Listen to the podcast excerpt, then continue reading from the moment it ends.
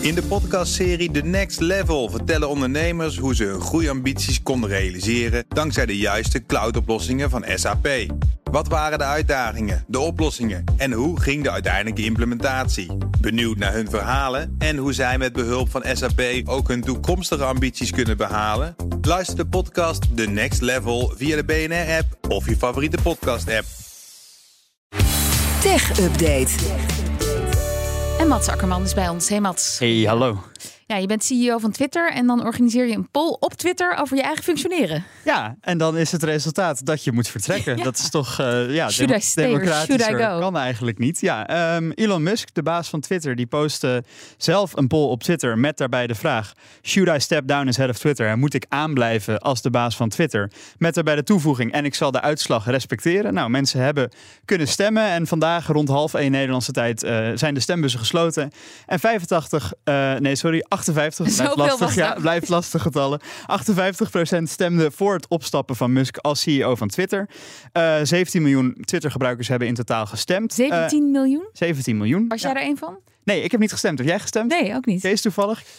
Ik heb eh, wel gestemd, maar net zoals bij de verkiezingen hou ik mijn eh, stemming Ja, eh, dat anoniem. stemgeheim dat is belangrijk om te respecteren. Ehm, hij heeft in ieder geval nog niet op de uitslag gereageerd. Zijn laatste tweet die was twee uur na de poll. Toen stond de poll nog open. Eh, dat is de misschien wel profetische tekst. Those who want power are the ones who least deserve it. Dus eh, Oké, heeft hij dan over zichzelf? ja, wellicht, wellicht. Maar zou hij het echt doen, opstappen, denk je?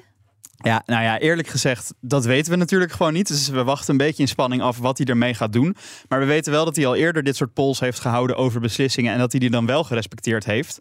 Eh, bijvoorbeeld gisteren kwam er de aankondiging dat eh, Twitter-gebruikers niet meer op hun profiel mochten linken naar andere social media platforms. Dus hè, je mag niet meer zeggen, volg mij ook op eh, Mastodon bijvoorbeeld. Maar in een poll stemde 87% van de Twitter-gebruikers tegen dat verbod. En dus is die aankondiging is alweer verwijderd. Dus dat, dat kan alweer. En nog een voorbeeldje. Afgelopen week werden een aantal accounts van journalisten verwijderd. Van CNN, van eh, New York Times. En toen eh, heeft hij ook weer een poll uitgezet met de vraag... zal ik hun schorsing per direct opheffen of zal ik hem later opheffen? Nou, de meerderheid koos voor per direct opheffen. En dat heeft hij dus ook per direct gedaan. Dus hij heeft tot nu toe wel een track record met zich houden aan de uitslag van die polls. Dus wellicht dat hij ook deze ter harte zal En, nemen. en eh, Mats, weet je wat het ook is? Hij heeft in oktober natuurlijk al op een nieuwsbericht dat hij de, de CEO van Twitter Ja, zou worden. precies. Heeft hij al gereageerd? Dit is maar tijdelijk. Dus Ja, dit is natuurlijk gewoon een open deur. Het addertje onder het gras. Hij is natuurlijk eigenaar van Twitter. Hij heeft dat gekocht voor 44 miljard dollar. En hij is ook de CEO. En nou ja, hij, daarover heeft hij inderdaad gezegd: dat is tijdelijk. Dat is eh, niet wenselijk dat ik dat langere tijd doe. Daar gaan we iemand anders voor zoeken. Heeft hij ook wel wat dingen over gezegd met zoek maar eens iemand die deze baan wil. Nou, ik kan me voorstellen dat na alle drama van de Ja. afgelopen tijd en het eh, gehalveerde personeelsbestand, dat er nu nog minder mensen zijn die die baan willen. Maar stel dat hij dus als CEO nu opstapt, hè, of dat dan nu is of later, ehm, is zijn invloed dan ook minder? Of ah, kun je als eigenaar ook nog beslissen dat er journalisten En nou ja, je van kunt Twitter je voorstellen dat je als eigenaar wel een vinger in de pap hebt natuurlijk. Dus ja, zijn invloed zal natuurlijk wel groot blijven, maar dan niet meer als CEO. Dus wij praten er weer over, terwijl het eigenlijk niet zoveel voorstelt.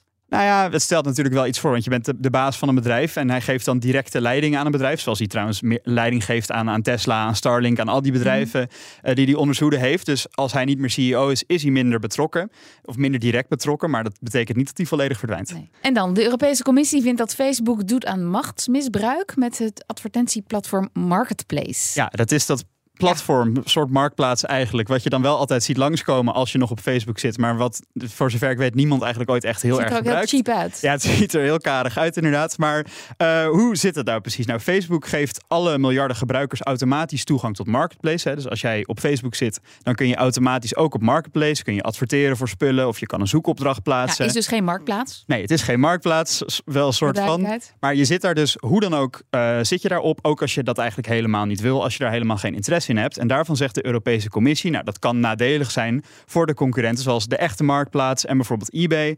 En ze zeggen ook bovendien, dwingt Facebook op een oneerlijke manier af, dat ze de data van concurrenten die adverteren op Facebook, dat ze die ook weer gebruiken om Ah. zelf te concurreren. Dus stel, Zalando adverteert op Facebook, dan ziet Facebook op welke kleren jij graag klikt. En dan kunnen ze dat weer gebruiken om op die marketplace dingen aan jou te laten zien waar jij waarschijnlijk geïnteresseerd in bent. Nou, dat vindt de Europese Commissie ongerechtvaardigd, buitensporig en onnodig. Dus dat, eh, ja, stevig geworden. En levert dat dan weer eh, Facebook, Facebook boetes op? Ja, eh, dit is nog niet een definitieve conclusie. Dus Facebook, eh, het moederbedrijf van Meta, kan zich hier nog tegen verdedigen. Die hebben al gezegd, we vinden deze beweringen ongegrond. Maar als het er definitief komt, dan kunnen er weer miljarden boetes volgen. Boetes die oplopen tot 10% van de jaaromzet.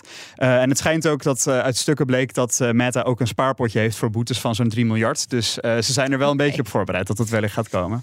En tot slot, Google komt met de oplossing voor het bekende doktershandschrift. Ja, het is, gaat mij erg aan het hart, dit onderwerp. Want Oh. dit kreeg ik eh, al van jongs af aan thuis te horen. Je hebt echt een doktershandschrift, totaal onleesbaar.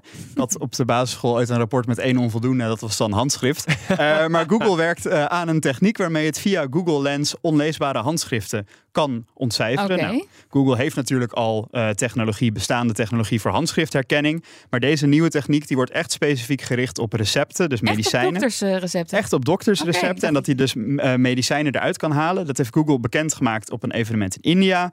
Het is nog on- in ontwikkeling. Maar het idee is dus dat je dan een geschreven briefje kan scannen. En dat hij daar dan heel goed de medische namen van medicijnen uit kan halen. Zodat jij zeker weet dat je de goede medicijnen krijgt. En dan denk je natuurlijk, ja, eh, waar krijg je nou nog een handgeschreven Ja. doktersbriefje? Nou ja, hier in Nederland komt dat allemaal natuurlijk gewoon mooi Uit de computer rollen. Maar er zijn natuurlijk nog heel veel ontwikkelingslanden waar dat nog wel zo is. Ja, en als je dan eh, medicatie nodig hebt, je hebt geen idee wat er op dat papiertje staat en je wil het goede. En toch, veel mensen hebben toch wel een mobieltje. En dan eh, ja, helpt dit hopelijk om te zorgen dat mensen de goede medicijnen krijgen. Maar dan moet de lens ook wel doorhebben of er drie keer per dag of één keer per dag staat. Ja, misschien is dat nog eh, dan gevoelig. de volgende stap. Ja. Dankjewel, Mats Akkerman. De BNR Tech Update wordt mede mogelijk gemaakt door Lenklen. Lenklen. Betrokken expertise, gedreven resultaat. In de podcastserie The Next Level vertellen ondernemers hoe ze hun groeiambities konden realiseren dankzij de juiste cloudoplossingen van SAP. Wat waren de uitdagingen, de oplossingen en hoe ging de uiteindelijke implementatie? Benieuwd naar hun verhalen en hoe zij met behulp van SAP ook hun toekomstige ambities kunnen behalen? Luister de podcast The Next Level via de BNR-app of je favoriete podcast-app.